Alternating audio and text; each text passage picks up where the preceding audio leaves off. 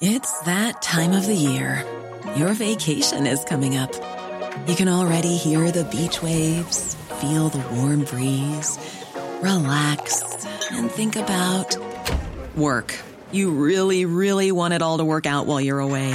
Monday.com gives you and the team that peace of mind. When all work is on one platform and everyone's in sync, things just flow wherever you are.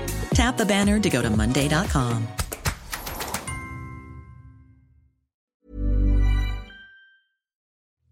Den där, den här bruden som du håller på med.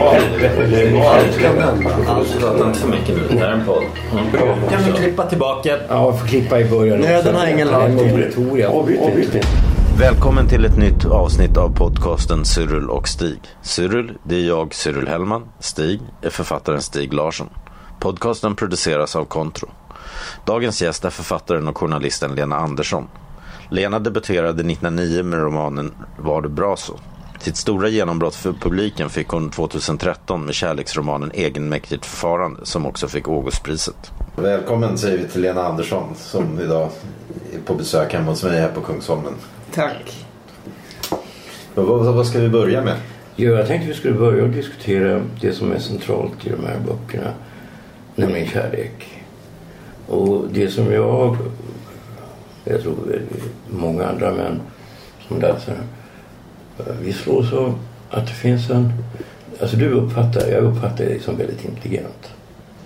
Sen uppfattar jag att kvinnor normalt sett har bättre pejl på det här med signaler och, och, eh, och överhuvudtaget, alltså det beror då på att när killar intresserar sig för, jag tidigare var det mopeder eller något sånt där va. Och nu är det kanske datorer eller sport va. Då intresserar sig tjejer för relationen och snackar och håller på. Eh, och det gör att de får ett försprång framför killarna. Mm. Som gör att eh, vi killar har väldigt svårt att förstå oss på tjejer och, vi är väldigt, eh, vi är väldigt fega. Okej. Okay.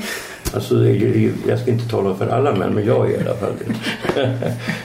eh, och jag skulle aldrig våga gå in i en relation inte jag var hundra på att den här tjejen också verkligen var kär i mig. Förstår du? Mm, mm. Fast, fast, alla har väl ändå erfarit, även, även killar har erfarit hon, hon Esters erfarenhet tror jag. Även om man kanske inte gör om det. Nej men alltså, nej, men det, det, det, det, det, det jag kan känna mig igen i hennes också. Jo men det handlar om så lång tid va. Och, och, och, och jag skulle jag har aldrig varit med om det själv i mitt liv. Utan då, var jag ju... Uh, har du inte varit med om en tjej som har kört spel med dig? Nej, men då, då skippar jag den. Kan vi inte prata om det där du börjar med där? Eh, med signaler och, Mm, och sånt där. mm, mm. Alltså, sign- jag, jag skulle vilja omformulera ditt påstående lite. Signaler förstår man ju. Eh, men det gäller att acceptera dem också. Hur då menar du? Jo men eh, alltså om det är väldigt viktigt att någon ska någon man har lite på kroken. Mm. Folk kan ju ändra sig. De kan ju liksom bli övertygade efter ett tag. Mm. Det har man ju både hört och, och, och om, i, varit med om och sett på film. Mm. Det vet man ju att det finns sådana. Ja, det finns många fall sådana. Då är det väl, då, då, då, om man då tolkar signaler så nej men han är inte intresserad. Då mister man ju, då finns det ju en risk att man mister den här personen. För, för att man ger upp för tidigt. Och det är ju vad jag har skrivit om. Mm. Eh, hon, hon tänker ju att ja, det, det här finns signaler åt båda håll. Mm. Det är inte bara negativt, då skulle hon ju ge upp. Men det, är, problemet är att det är både, både och. Men, men, men det som jag tyckte var märkligt när jag läste boken. Jag blev förvånad för eftersom jag hade läst. Jag hade, inte, jag hade läst en debutroman, inte de andra böckerna. Men, men sen hade jag ju läst krönikan och sånt. Och du verkar så väldigt logisk och sådär. Så jag nästan hade typ förutspått att du skulle vara lite kylig. Och att du aldrig skulle skriva om känslor. Och så, och så kommer det här som som är, kärleken är ju ologisk som, som går emot logik och, och, och förnuft. Ja. Men det är kanske är det som gjorde att du intresserade dig för att skriva om det också. Det kan man nog säga. Jag är intresserad av psykologi i och för sig. Eh, Det ingår ju Mm. i relationen. Eh, Ja, jag skulle säga att för- förnuftet, alltså kärlek har inte med den, den sfären att göra liksom. man kan använda förnuftet för att vara taktisk eller strategisk. Så här, men det, det har ingenting med det att göra. Det är ju som att, det, det är det är som att äta gott eller det är njutning. Mm. Det är välbefinnande. Och där är ju förnuftet inte särskilt eh, bra att ha eh, någonting. Det saknar värde förutom att nå fram till det här som man ska Mm. få. Ehm, så att jag ser det som olika sfärer. Men däremot så behöver man ju Ester ägnar sig väldigt mycket åt, vilket jag själv också har gjort då, förstås, eh, åt att tolka beteenden. Ja. Och, det, och där, där, där kanske hon då... eh, där kan man ju tolka för mycket. Använda förnuftet för mycket. För att det kanske är oftast är enklare än man tror. Mm. Eh, Men ambivalensen är ju en intressant sak som jag tyckte att jag ville skriva om i båda böckerna. Ambivalens. För en som verkligen har bestämt sig för att försöka få en människa på kroken då. Så är ju ambivalens positivt. Mm. Det betyder att det inte är nej. Mm. Och jag menar så hundraprocentigt kan man inte vara att det måste vara ja direkt. Lite motstånd i början är oftast bara bra. Så man kan ju alltid tolka det som positivt. Jag tror att det är en skillnad mellan män och kvinnor. Alltså jag gör en grov generalisering här. ja, Jag utgår ju naturligtvis ifrån mig själv. Men där är det väl så att eh, det handlar ju väldigt mycket om sex. Mm. Och eh, om jag upplever att en tjej eh, vill ha mig som vän eller något sådär, om jag är sexuellt intresserad av henne, då gör jag väldigt snabbt klart för henne att eh, ja visst, vi kan ha någon sorts vänskapsrelation men jag kan inte garantera det alltså, eftersom jag är intresserad av dig sexuellt. Um, och det funkar liksom inte. Då blir det ju, för en kille blir det ofta, Vad säger hon då? Om du är ovänner då? nej, så funkar det. Men vill de vara vän utan sex menar du? De vill inte ha en kärleksrelation? jag kan väl ha... Stig som inte vill vara vän utan sex. Nej men alltså, eh, om jag är väldigt intresserad av en tjej sexuellt så blir det frustrerande om jag har henne som vän. Därför att vänskapsrelationen Det skriver jag helt under på. alltså, tenderar ju till att avladda. Absolut. Och den är mycket mindre laddad Mm. hela tiden. Den är mer, lågintensiv. Ja, det blir liksom till slut så blir du neutrala man inför varandra. Ja, ja, just det. Och det kan gå lång tid. Jag skulle snarare säga att de här männen som Ester träffar de vill ju nästan ha henne som vän. Tror jag. Mm. Du så uppfattar jag det också. Så. Ja, alltså då, det har de inget emot för det är nog intressant och så här.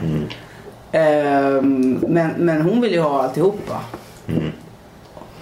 Men vän är nog det sista hon vill egentligen.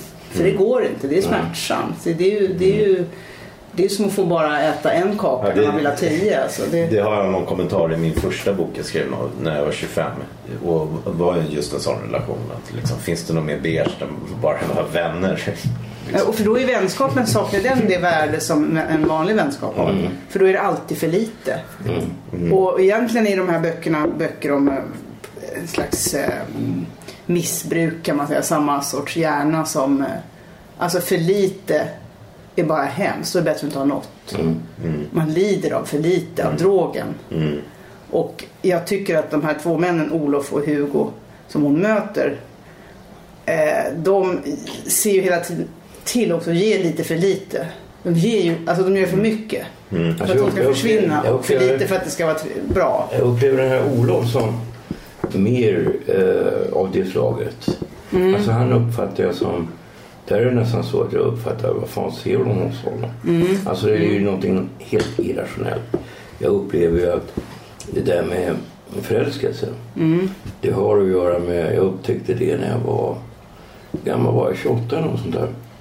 Och så såg jag en, det var en, när vi gick i mellanstadiet så var det en, eh, en av våra föräldrar som filmade en avslutning på eh, Super 8. Hade överfört det till VHS. Så såg jag då, så var det en tjej som hade flyttat till Umeå från Stockholm. Som alla killar tyckte var, hon var klassens populäraste tjej. Eh, och hon såg exakt ut som en tjej som jag sen blev förälskad i. Hon hade till och med samma namn. Och sen när jag såg ett, eh, ja, vet, eh, ett diabilder från Mulleskolan som jag gick när jag var sex år. Så var det en tjej där som jag var, jag var lite förtjust i henne. Eh, som var enormt lik väldigt många av de tjejer som jag senare har kommit att... Och det, Ja. det, det sägs ju om, om eh, Pascal. Att han hade en fäbless för tjejer som var vindöpta. Mhm, okej. Ja. Alltså du liksom... Alltså jag, jag håller med dig om att man väljer ganska likt. Mm. Det är någon, det är, och därför så, därför så kan man aldrig nästan anlägga synpunkter på folks val. Nej. För det är, det är väldigt fysiskt. Och det är någon igenkänning skulle jag säga. Det är någonting med kroppsform. Det behöver inte vara omedelbart likt. Det kan vara, det kan vara liksom eh, bredd eller Ja. fyllighet eller smalhet. Eller, det är någonting som är som en igenkänning. Mm. Eh, Det är väldigt svårt att bli kär i någon som man eh, inte känner igen. Tycker jag. Mm. Ja, men jag tycker att det, alltså, det är intressanta med det att läsa det så här liksom, uppriktigt och samtidigt stringent ur en kvinnas perspektiv. Därför att det har ju kommit nu på senare år, senaste 10-15 åren, en hel del böcker om där man ser ur en kvinnas perspektiv, även en ung kvinnas perspektiv. Ibland blir jag lite chockad när jag läser det och sådär. Eh, Jag minns det var en bok, jag vet inte om du har läst den, Eh, Sofie Adolfsson. Det känns Nej. konstigt att vakna i sin egen säng. Nej, den har inte läst. Ja, ja då, då fick jag ju, eh, tycker jag, veta lite för mycket om kvinnan. alltså, här vet, avsöndringar och sådana, vet, Ja, ja, ja. fysiska saker. Jag förstår. Och jag blev bara, oj, oj, oj. oj. Ja. Fast de var bra. De var ju, Ja. Det är ju intressant att lära sig någonting som inte du känner till. Va? Absolut, ja. Så att jag tycker att det, är, det har ju varit en vinst. Det är ju alltså motsvarande från mäns sida. Eh, finns inte riktigt. Men, hur, hur ser du på reaktionerna? då? Jag syftar då på Stigs väninna Åsa Bäckmans. Vadå? Nej, men Åsa Bäckmans eh, artikel om kulturman och det, att det blev, det blev liksom som ett skällsord, kulturman. Ja. Och det blev någon typ som i mitt fall, jag kände snarare lite tyckte synd om kulturman. Och i, I sådana fall ska, det, ska någon som då har misstolkat något bli någon skällsord. Någon som, för att man har gett nobben eller någonting. Ja, men alltså det är väl, är det inte ändå hur nobben ges? Är det inte, eh, alltså till exempel, dig känner jag inte alls till som jag gör med Stig. Men jag uppfattar ju att du är just väldigt uppriktig. Mm. Och eh, jag skulle säga att du i det liknar min romankaraktär. Ja, det tror jag också. Det är Alltså så här ren och rak på något sätt. Så här, Jag, förstå, vet, alltså, jag är norrlänning, jag kan inte spela. Alltså, jag är så Nej, jävla och det rolig. kan inte hon Jag heller. Och eh, du skulle nog inte, om du var en romankaraktär tror jag inte det skulle gå en hel bok där du inte säger varken ja eller nej. Nej, alltså, jag vet ju under tiden som jag höll på med droger. eh, Då var jag väldigt tydlig med det och sa till tjejer då. Vi hade ju ändå vissa, kan man säga, älskarinnerelationer. va? Mm. Och då sa till dem att det är väldigt viktigt för mig att veta att du inte har några liksom, känslor för mig. Mm. Eh, för att eh, ibland funkar det jättebra. Vi kunde åka på semester och så här. eh, trots att vi inte var tillsammans. Mm. Men i ett fall så, så gick det, eller i två fall, så, så hamnade det snett ändå. va. Och det hade naturligtvis med drogerna att göra. Det går inte att kombinera droger med relationer. Och det är väldigt Man blir svårt för väldigt dig. kylig på det. Ja, du blir ju helt känslokall. Men, men när ni säger droger, är, det knark då? Ja, knark. Ja, knark. Ja. Alltså du blir ju helt känslokall och du fattar inte att den här tjejen är... eh, Jag kan ju så här i efterhand, det här var ju så länge sedan. Det här var ju över 20 år sedan. Men jag kan ju då i efterhand känna dåligt samvete över att jag var ju tydlig. Men ändå inte va. Och dessutom om, man, om någon är förtjust i en så, så räcker det med det kan vara nio delar tydlighet, en del otydlighet. Mm. Så är det en som, den delen gäller för den som hoppas. Och det är egentligen det jag har skrivit om. Hur den där delen ser ut och att den blåses upp till. Men, men det blev 99 en bild att det fanns en schablonman som var någon äldre form av kultur. Ja. människa Som utnyttjar sin position och genom att uppvakta och sen bara för att få ligga ungefär. Ja, det är sant att det blev. Sen har jag ju träffat många män när jag varit ute och, och, och, och pratat om den här boken som har, eh, kanske inte många som har sagt det, men ändå rätt, rätt, ja, rätt så många som sagt att, att de har, levt hela sitt liv som Ester Nilsson och tycker att alla Ja, kvinnor man träffat har varit som Ugor alltså. Mm. Precis, jag tror att man kan, ur båda karaktärerna kan, finns det väl folk ur Ja, båda kön. så har det verkligen många kvinnor som överhuvudtaget inte förstår Ester alls. Mm. Det, det, hon skär lite grann över så här. Ja, men jag tror att det är en viktig sak man sällan diskuterar. Det är att eh, eh, jag tror att det håller på att förändras. Vi, vi lever liksom i en tid där det händer saker ganska snabbt. Och, eh, man, man tar till exempel kvinnlig vänskap. Mm. Den ser delvis lite annorlunda ut. Jag gör ju generaliseringar. Men man måste göra generaliseringar Mm. Om man ska komma någonstans. Mm. Och den ser delvis lite annorlunda ut idag än vad den gjorde i min generation. Eller de som är låt oss säga tio år yngre än vad jag är. Mm. Därför att eh, alltså man tar till exempel skådespelerskor. Eh, jag uppfattar ju då att de som är lite äldre att det fanns en, en helt annan liksom rivalitet och så. Jag vet att eh, Nadia Weiss berättade en otroligt rolig historia för mig om Ingmar Bergman. Och han var ju då gudfadern. Mm. Och då sa han så här. Ja, Nadia, jag vill att du ska komma till mitt rum. Jag ska prata med dig. Ja. Och hon hade ju precis börjat jobba då på Dramaten och hade en bra roll. Ja, jag ska väl berätta att Melinda, Melinda Kinnaman har fått en, en eh, huvudroll här. Och då blev hon jätteglad. Nej men nu får du sluta här och hålla på och spela teater mot mig. Det är fan din gudfar. Du, du blir inte glad. Ja men det är min bästa kompis. Vi delar till och med lägenhet. Nej men nej, det här är ju fruktansvärt. Du menar inte allvar nu. Får inte ljuga för mig. Ja men jag blir glad. Nej men jag, jag skulle inte ljuga för dig. Men förstår du inte vad du håller på med? Det här är ju någonting jag har utnyttjat det här i, i hela mitt liv. Det är som att du tar, eh, du är en, vi säger, du är en målare. Och så kommer du, din dumma jävla flicka här och tar bort färgen rött. Jag får inte använda rött. Alltså, jag har ju använt konkurrensen mellan kvinnor. Det är ju ett arbetsverktyg för mig, förstår inte du det? Och jag tror att det där har att göra med att män har umgåtts på ett annat sätt. Va? Alltså, vi har också löst konflikter i värsta fall med våld. Mm. Och det gör också att det finns en typ av, när det gäller manlig vänskap, som är väldigt okomplicerad på ett sätt. Mm. Det finns vissa grejer man inte gör, va? Mm. för då blir det big problems. Mm. Mhm. Men när det gäller kvinnor så har ni inte förrän nu, mera, alltså den yngre generationen, eh, utvecklat den där eh, vänskapsrelationen. Va? Nej. Och det där gör då att kvinnor kan vara väldigt elaka mot andra kvinnor. Ja, På ett sätt som är män är inte riktigt det för då riskerar de att åka på stryk helt enkelt. Mm.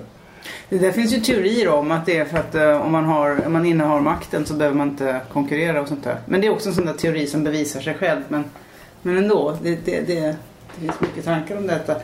Eh, men eh, vad skulle jag säga? Jo, Åsa Bäckmans artikel i alla fall om Kulturmannen den, den fyllde uppenbarligen ett tomrum. Mm. Alltså det begreppet behövdes uppenbarligen. Mm. Det har ju nästan nötts ut sedan dess. Ja. Kryssningar och allt möjligt med tema Kulturmannen. Ja, är det det till och med? Ja. Eh, och sen, är- sen är det ju så att man, mannen är ju som lovligt byte också. I, Nej, man en jag uppfattar ju färg. snarare att man i dagens läge borde eh, anmäla det för hets mot folkgrupp. Jag uppfattar ju då att jag är då, för jag är då typ, verkligen en typisk kulturman.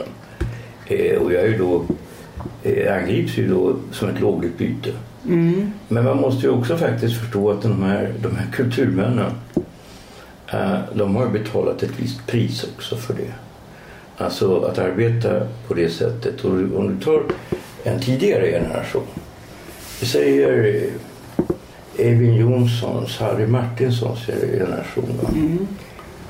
Eh, Jag kanske framförallt Evin Jonsson och överhuvudtaget den generationen. De hade kvinnor som ställde upp för sig. Va? Mm. Och då fanns det liksom, de kunde helhjärtat koncentrera sig på sitt arbete. Eh, jag menar, jag har ju då inga barn och så. Jag har ju då helt och hållet eh, fått gå in då för mitt arbete och delvis levt väldigt fattig. Mm. Så att jag menar det, det är ett pris som också betalas. Ja men precis. Men jag har ju själv också valt väldigt mycket att leva med mitt arbete och så här. Ehm, på ett sätt som då kulturmän har i och för sig faktiskt, det är nästan lite kvin, kvinnligt skulle jag vilja säga det du har valt. Kulturmän i den gängse meningen har levt så men haft sex barn. Mm. Faktiskt snarare. Men det är tidigare. Det är Ja, det är lite tidigare. Det är faktiskt lite tidigare. Det är sant. Men eh, det jag skriver om också- är också en, en kvinna. Ester som, som jag uppfattar som ganska modern eh, på många sätt. Andra uppfattar henne som otroligt omodern. Men hon är modern i det att hon kan inte få in i sitt huvud att någon skulle tänka sig att hon är underlägsen de här männen. Mm. Det är otänkbart för henne. Hon är jämbördig, minst. Eh, och Det blir oattraktivt. deras det blir oattraktivt och eh, de hon träffar har ett annat andra idéer om det. Mm. Och det blir en kollision. Ja, men det, alltså, det, här, är- det här är ju ett väldigt viktigt ämne som, har, som delvis har också förändrats under kort tid. Nämligen att män har en, en sorts rädsla för kvinnor som är jämbördigare till och med intelligentare än vad de är. Va? Då blir de, och det där innebär, så här, jag uppfattar att det är det absolut allvarligaste formen av kvinnoförtryck. Det är nämligen att tjejer när de är unga eh, väljer då att spela dummare än vad de är. För att överhuvudtaget kunna ha sex. Jag menar, Deras eh, spektrum av möjliga partner den minskar ju dramatiskt om de är intresserade av litteratur eller kvantfysik eller något sånt där. Va? Ja, visst. Alltså då måste de antingen komma från eh, ha väldigt gott självförtroende, vara väldigt intelligenta eller vara väldigt, väldigt snygga. Så pass snygga att de inte kan bli dissade. Mm.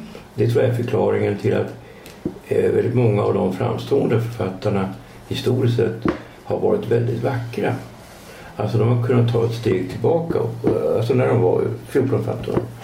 Och strunta i att de här killarna inte ger dem uppmärksamhet. Därför att de vet att en dag så kommer jag, mm. om man tar Margrethe Duras eller något sånt där. vet.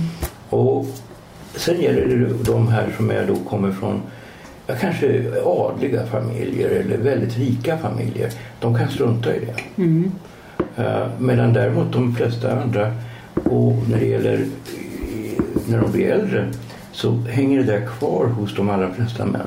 Att de inte så gärna vill vara, det är ju också ekonomer som vill inte vara fattigare än, än kvinnan och så. Nej.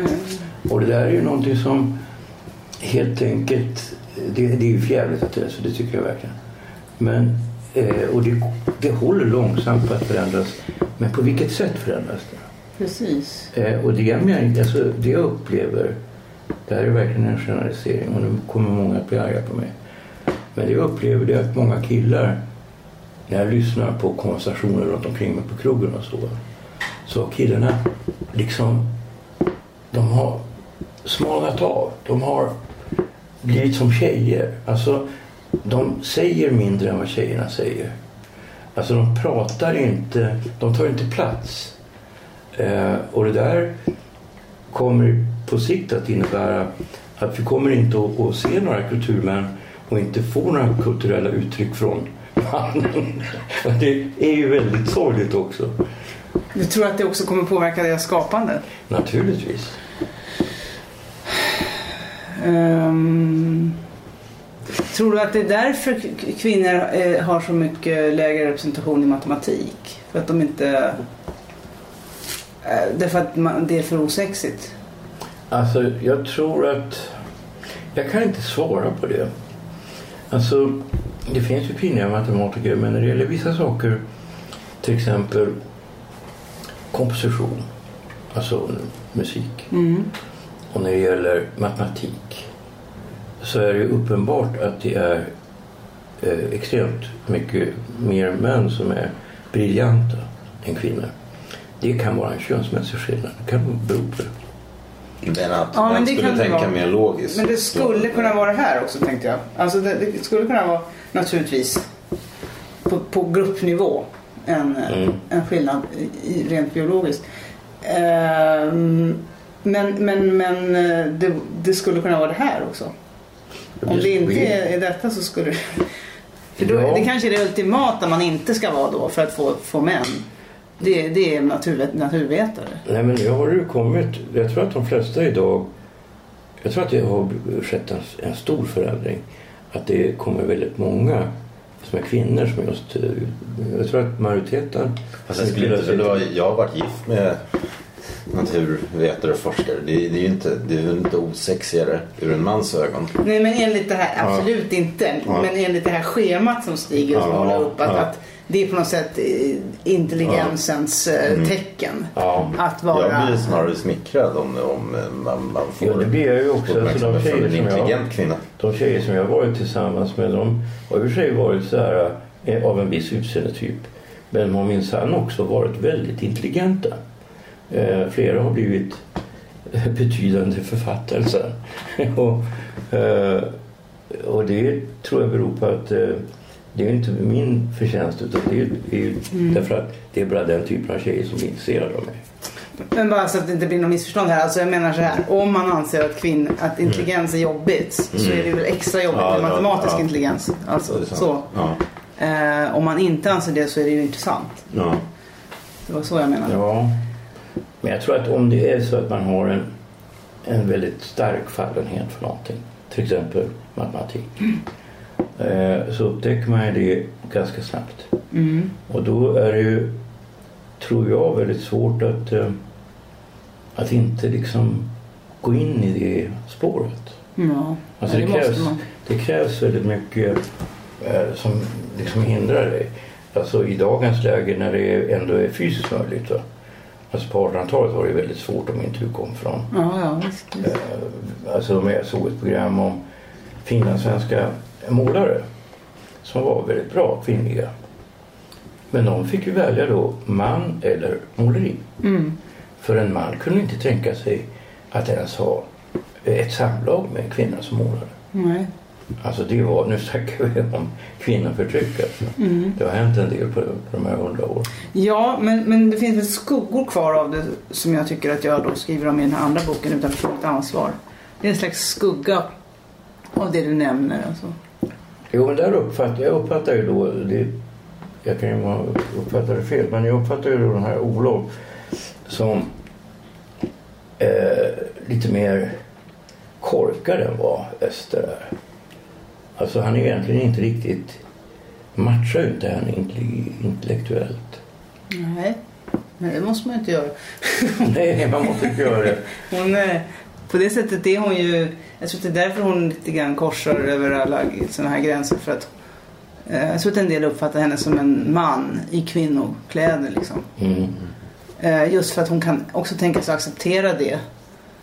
Eh, inte söker det, men det gör ingenting. För att kärleksrelationen handlar om hud och sinnlighet och gemenskap och annat. Så bara han, bara han lyssnar Hey, I'm Ryan Reynolds. Recently, I asked Mint Mobile's legal team if big wireless companies are allowed to raise prices due to inflation. They said yes. And then when I asked if raising prices technically violates those onerous two year contracts, they said, What the f are you talking about, you insane Hollywood ass? So to recap, we're cutting the price of Mint Unlimited from $30 a month to just $15 a month. Give it a try at mintmobile.com slash switch. $45 upfront for three months plus taxes and fees. Promo for new customers for limited time. Unlimited more than 40 gigabytes per month. Slows. Full terms at mintmobile.com. Hey, it's Ryan Reynolds, and I'm here with Keith, co star of my upcoming film, If, only in theaters, May 17th. Do you want to tell people the big news?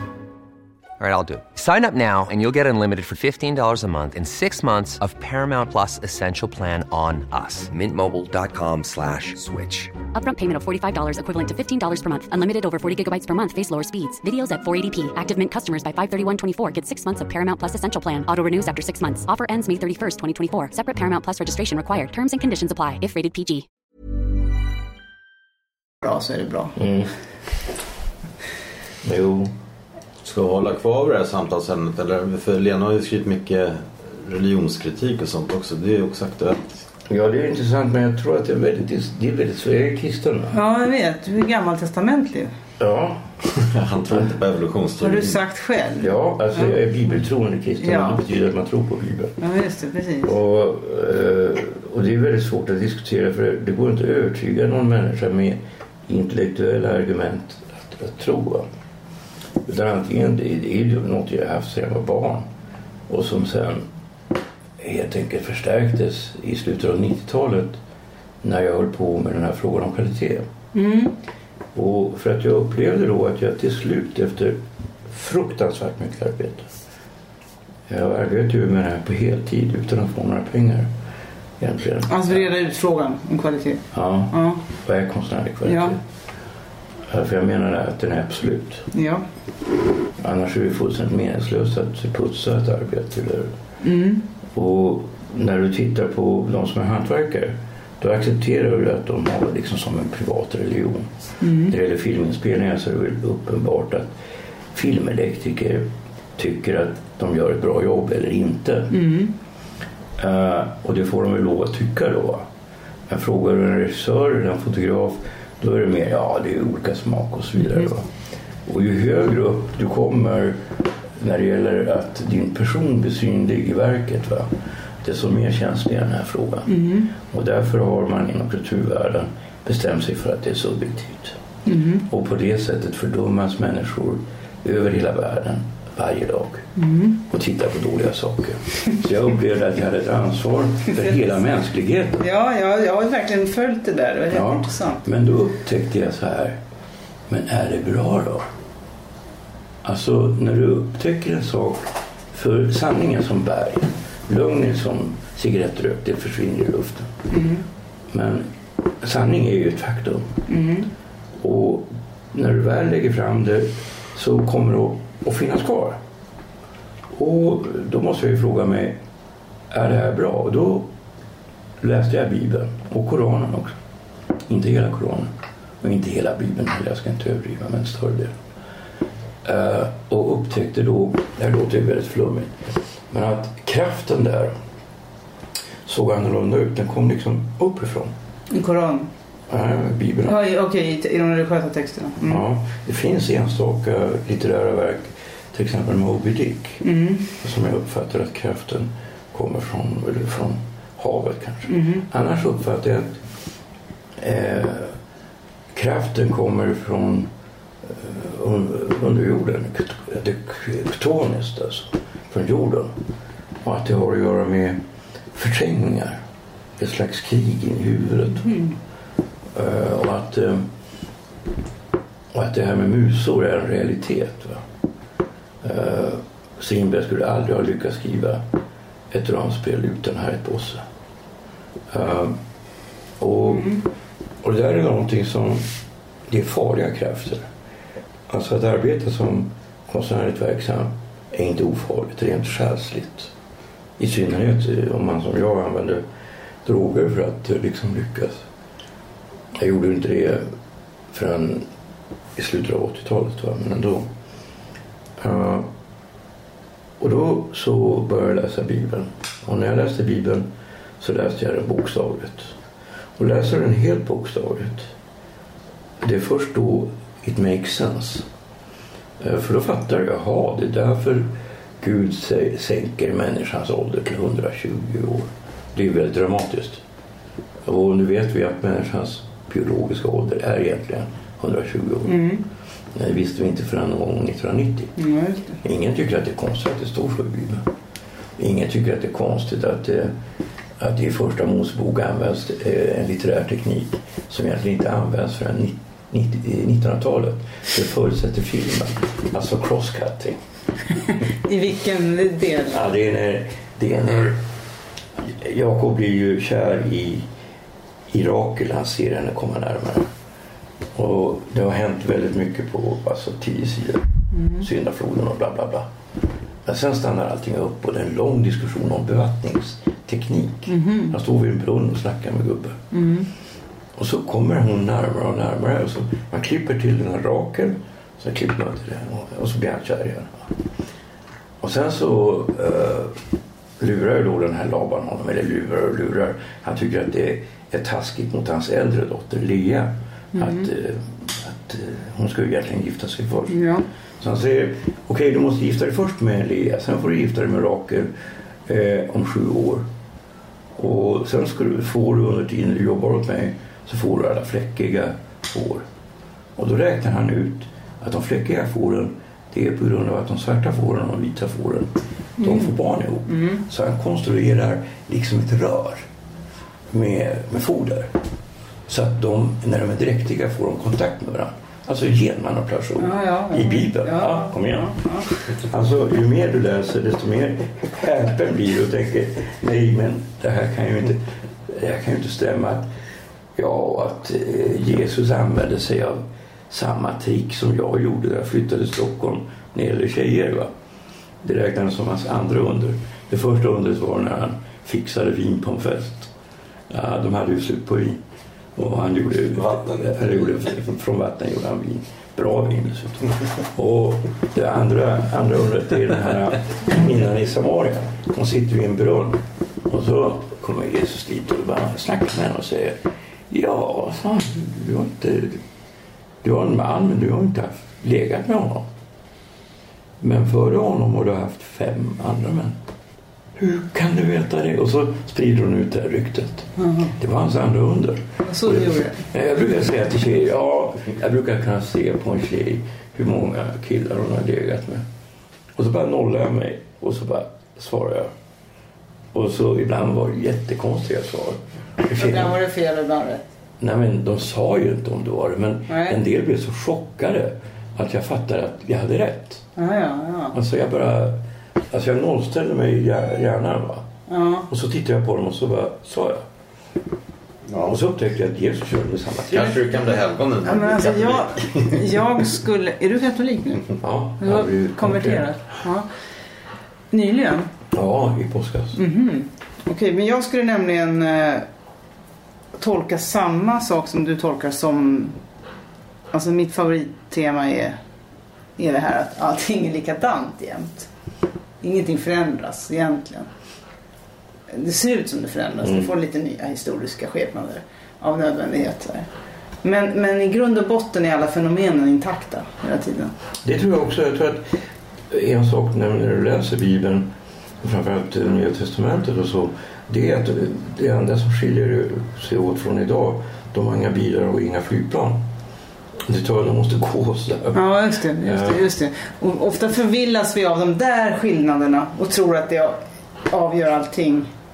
Nej, de hade ju krogar och Ja. hamnarna såg ut ungefär som Jo, jag menar Jesus, eh, de psykologiska problemen som beskrivs i Ny- Nya Testamentet som jag tycker är ganska intressanta. De är ju, alltså det går ju att förstå fullt ut. Ja, visst. Eh, Den förlorade sonen och, och, och ja, sådana där saker som är tygstycket på ett gammalt tyg, nytt på gammalt och alltså metaforerna, allting stämmer.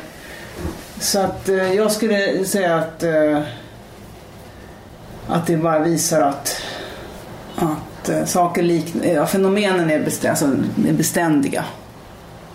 Och det, det stämmer ju med det här med hantverkaren och konsten. Och, Mm. Man kan säga så här att det finns ju perioder eh, i världshistorien där saker och ting har liksom sabbats. Man kan ju säga efter romarrikets fall så kunde man plötsligt inte bygga vägar. Nej, Alltså, man, man kan rasera saker, det kan man. Och det var ju väldigt allvarligt för det tog ju ohyggligt mycket längre tid för folk att rida fram till exempel. Ja. Eh, ja, och- och hela antiken, antika filosofin försvinner ju i glömska. Eh, och under, under lång tid, ja, med, fram till medeltiden. Och, och jag tänker ibland att jag, vet, jag, jag tänker att det beror på kristendomens framfart i och för sig. Ja, det, var ju, det var ju munkar som munkar och eh, Återupptäckte i- Aristoteles, ja. Ja, nej, Aristoteles, Men de begravde honom. Aristoteles upptäcktes egentligen av muslimer. Det var ju alltså. Averroes, Ja. eh, Ibn Rushd i Cordoba som översatte, han översattes ju då först till arabiska och sen från arabiska till latin. Absolut, men det intressanta är att han var borta. Så frågan är om vi ligger tusen år efter egentligen. Ja. Vad vi skulle ha kunnat ligga. ligga. Det blev ju en stark försening av vissa Man gick saker. i barndom på något sätt. I och med pesten också så slapp man tänka på familjer och folk kunde befria sig från slavar. Och folk blev mer självständiga tror jag. Och fick klara sig själva. Ja, en väldigt tragisk upp, upptäckt som jag gjort för ett tag sedan det är ju då att när du tittar på krig och när du tittar på farsoter så är det oftast det som gör att samhällen blir mer jämlika. Mm. Alltså efter pesten fick ju eh, de som arbetade mycket högre lön. Det var, en, det var ett behov av det. Jag kan inte ha slavar längre. Och eh, samma sak efter andra världskriget så var det plötsligt mycket mindre inkomstskillnader. Mm. Det är Alltså- Picketys, Picketys tes. Ja. Vi behöver ett krig. Nej, det är inte hans tes men, men alltså Om man det, hårdrar han, Jo, men han pratar om det där med kriget. Jo, men alltså det, det jag tror alltså när det gäller Piccadilly, det som alla undviker att tala om, det är att det, det finns någonting som händer 1990 när allting liksom plötsligt eh, liksom skjuter iväg när det är inkomstskillnader. Va? Det är att eh, hela östblocket faller. Och jag tror att när östblocket föll så var det någonting som hände. Nu är det inte så att jag är någon eh, Brezhnev-anhängare. Va? Jag skulle förmodligen aldrig ha publicerats i, under Brezhnev. va? Nej, Men- troligen. Men alltså jag skulle ha suttit i ett läger. Men det går inte att komma ifrån att bara det faktum att det fanns ett system som visade sig, även om det var bristfälligt på många sätt vis, ändå fungera. Eh, Det, det gav en viss form av motstånd. Mm, konkurrens kan Ja. nästan. Alltså, så att det var inte självklart och kapitalet kunde inte röra sig fritt. Va? Det var egentligen först alltså på 80-talet när man släppte eh, in kapital i olika länder i Sverige. Var det väl 85, 86 Mm. och sånt. Och i Sydostasien var det då lite senare. Och då fick du också de här fastighetsbubblorna. Så. Men eh, idag är ju kapitalet helt fritt att röra sig precis vart som helst. Och det gör ju då att möjligheten att, eh, att strejka till exempel, den är ju i princip eh, ingen alls. Mm. Och det där påverkar naturligtvis människor på olika sätt och vis. Och jag är rädd för att det kan hända ganska dramatiska saker på grund av det. På grund av att ett stort antal människor kommer att inte behövas i samhället. Mhm. Och vad gör vi då? Alltså de kan bli ganska aggressiva. Man ser till exempel det som händer i Frankrike nu. Och, eh, Vad tänker du på då? Terrorism eller? Nej, jag tänker på de här upploppen av arbetslösa eller människor som strejkar för högre lön. Ja, ja. Mm. Alltså de är ganska våldsamma. Det är ju plundringar av affärer i Paris. Och eh, det är ju... Det där är någonting som... Jag tror att det och... Eh, jag är inte så rädd för de här eh, Sverigedemokraterna och så, men jag är däremot rädd för de här krafterna som finns till höger om dem, som inte är demokratiska. Och, eh, för jag tror att Sverigedemokraterna kommer att hamna ungefär i samma situation som Danska Folkeparti. För de kommer att vara så pass stora. Eh, och det är, finns då en risk att, att de kommer att normaliseras lite grann som Miljöpartiet. När de hamnar i liksom den ställningen. Och då kommer grupper som, är, som står liksom längre bort. Eh, Man tar de här SDU och de här. Då kommer de att få fler anhängare och då kommer det att vara grupper som inte alls är demokratiska. Och har vi då ett samhälle som inte alls bärs upp av det välstånd som vi har idag så tror jag att de intellektuella de har alldeles för dålig kontakt med eh, du vet, vanliga människor och arbetare och så. Och de hajar inte hur, hur labilt det är och hur lite eh, människor litar på medier. Och hur, hur de litar istället på rykten. Ja, min kompis sa det. Ja, och jag, ja, du vet. Och när de då inte läser någonting om det i tidningen. Fast jag, jag tycker samtidigt att folk är ganska kritiskt tänkande ändå. Alltså jag tycker inte man, man ska inte lita på medier för mycket. Ja, men alltså, Det finns en sund skepsis mot medier på sätt och vis. Jag vet inte, jag tror att, att det finns, alltså när det gäller människor som känner sig överkörda av, av liksom utvecklingen. Vi tänker oss de som är på, som bor på landet och så. va. Och Jag var i varg, de varghatare. Där upplevde jag polariseringen verkligen mellan Stockholm och landsbygd. De var ju SD också. Varghatare, varghatare Dalarna. Varg, varghatare i Värmland. Ja, Eller varg, de som, Ja, de som de vill skjuta vargar. ja men- precis. ja. De tycker att, de, att vi, de bryr sig inte om våra pengar till operan och sånt. Vi ska inte bry oss om de skjuter en varg. Nej, det kan jag. Som Det går, ju- det, går, det går ju att förstå.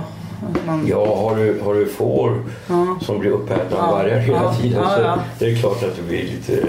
Ja, Ja, att precis. Ja, samtidigt har du i, på Balkan har du ju 30 000 vargar. Och liksom, det är inte, i, I Sverige är det något extremt med varghatet som ligger kvar i just de här områdena tror jag. men det kanske, kan det hänga ihop med vår... eh, vår alltså jag bara spekulerar. Folksagor? Nej, nej, jag tänkte på idén om att allt går att ställa till rätta. Alltså, naturen kan alltid tuktas. Mm. Det är vi som bestämmer. Eh, vi är aldrig underkastade naturen, vi är aldrig underkastade någonting. Nästan alla problem som idag beskrivs i, i, i media är till exempel existentiella. Men de framställs som politiska problem. Mm. Det är väldigt vanligt. Att politikerna ska lösa existentiella problem Mm, för människor. Och Ja. man ska lösa alla problem. Man ska inte ha några problem kvar. Mm. Eh, och, och det var också faktiskt ett skäl som jag ville skriva de här böckerna. För kärleken är intressant på det sättet att den är totalt oreglerad. Mm. Det är, det är det enda fält i Sverige som är helt oreglerat. Ja. Förutom vänskap då förstås, men det ingår ju på något sätt. ja, du kan ju helt enkelt inte kräva Nej, du kan inte kräva någonting. Nej. Och du kan inte gå till någon hemsida ens som heter, som man kan göra för maten man ska äta. Livsmedelsverket har en hemsida. Här finns Något många, ingenting. något många går till dina böcker nu. Ja, jo, det, precis. De har med dem till psykologen och sånt där. och det är väldigt intressant i Sverige med ett fält som är oreglerat. Allt ska gå att fixa. Och, Jo, men alltså det finns ju själva grundtanken med det där va. Som egentligen börjar då med folkhemmet och man tänker ju alltså paret Myrdal och hur de tänkte sig att hemmen skulle vara och, Ja. och ordnade med matbespisning eller restauranger, bottenvåningar och så. Just det, med egent- matlager. Ja, egentligen så var det ju på ett sätt den här utopin som Socialdemokraterna hade då på 30-talet som hade vissa fascistiska drag, det går inte att komma ifrån. det går inte att komma ifrån. Eh, så lyckades ju de genomföra den förmodligen mest lyckade samhällsomvandlingen som vi kan se överhuvudtaget. Det är därför jag som jag bedömer det. Jag har ju läst då Tage Erlanders bok 1903 till 1939 och delvis också läst hans dagböcker. Och det går inte att komma ifrån att jag känner, jag en viss beundran för honom. Han såg ju redan 61-62 så började han känna att det här kommer att sluta med en form av De besvikelse. ökade förväntningarnas missnöje. Ja, precis. Ja, precis. Ja, det Det såg jag ju väldigt tidigt. Va? Ja, visst. Och eh, det handlar ju då om att, eh, alltså vänstern kan man säga, det handlade om att alldeles för många människor utbildades. Ja. Och det fanns inte alls riktigt möjlighet för alla att få de jobb de ville ha. Va? Alltså då lyckades samhället skapa en massa jävla jobb. Man brukar ju säga att ett helt demonstrationståg gick in till TV2 och blev producenter. Eh, Men, eh, och det kan man ju säga, man- jag var ju ihop med en, en spansk tjej på 80-talet och på 80-talet så kunde du träffa på barer och så va, intellektuella som var industriarbetare. Va? Och där hade du också stora de- demonstrationer med röda banderoller. Och har du missnöjda intellektuella, men alltså ge dem liksom ett plastkort. Ge dem ett intresse för eh, viner eller ostar eller ostron eller något sånt där. Va? Då kommer de inte att protestera särskilt mycket. Och det är ju ungefär det som man har gjort. Men frågan är om, om det håller. Eh, folkhems... Eh, Mm. ja, eh, nej, jag tror att den har ett förlopp alltså. Det, det finns ett innebyggt... In, det var det Tage Ja. Erlander menade. Jag tror att den inte går... Den kan inte ha ett evigt förlopp. Just av de här skälen med fenomenens beständighet. Alltså, tingen är på ett visst sätt. Ska vi avsluta där? Ni har lyssnat på podcasten Cyril och Stig producerad av Contro. Vi hoppas ni gillar det ni har hört och går in på acast.com och prenumererar och delar på Facebook och Twitter till era vänner. Det är inte gratis att göra bra podcast och vi är beroende av bidrag och uppskattar varje sådant. Hi, I'm Daniel, founder of Pretty Litter. Cats and cat owners deserve better than any old fashioned litter. That's why I teamed up with scientists and veterinarians to create Pretty Litter. Its innovative crystal formula has superior odor control and weighs up to 80% less than clay litter. Pretty Litter even monitors health by changing colors to help detect early signs of potential illness. It's the world's smartest kitty litter. Go to prettylitter.com and use code ACAST for 20% off your first order and a free cat toy. Terms and conditions apply. See site for details. Even when we're on a budget, we still deserve nice things. Quince is a place to scoop up stunning high-end goods for 50 to 80% less than similar brands. They have buttery soft cashmere sweaters starting at $50, luxurious Italian leather bags, and so much more. Plus, Quince only works with factories that use safe, ethical, and responsible manufacturing. Get the high-end goods you'll love without the high price tag with Quince. Go to quince.com slash style for free shipping and 365-day returns. Swisha till 123 069 1147.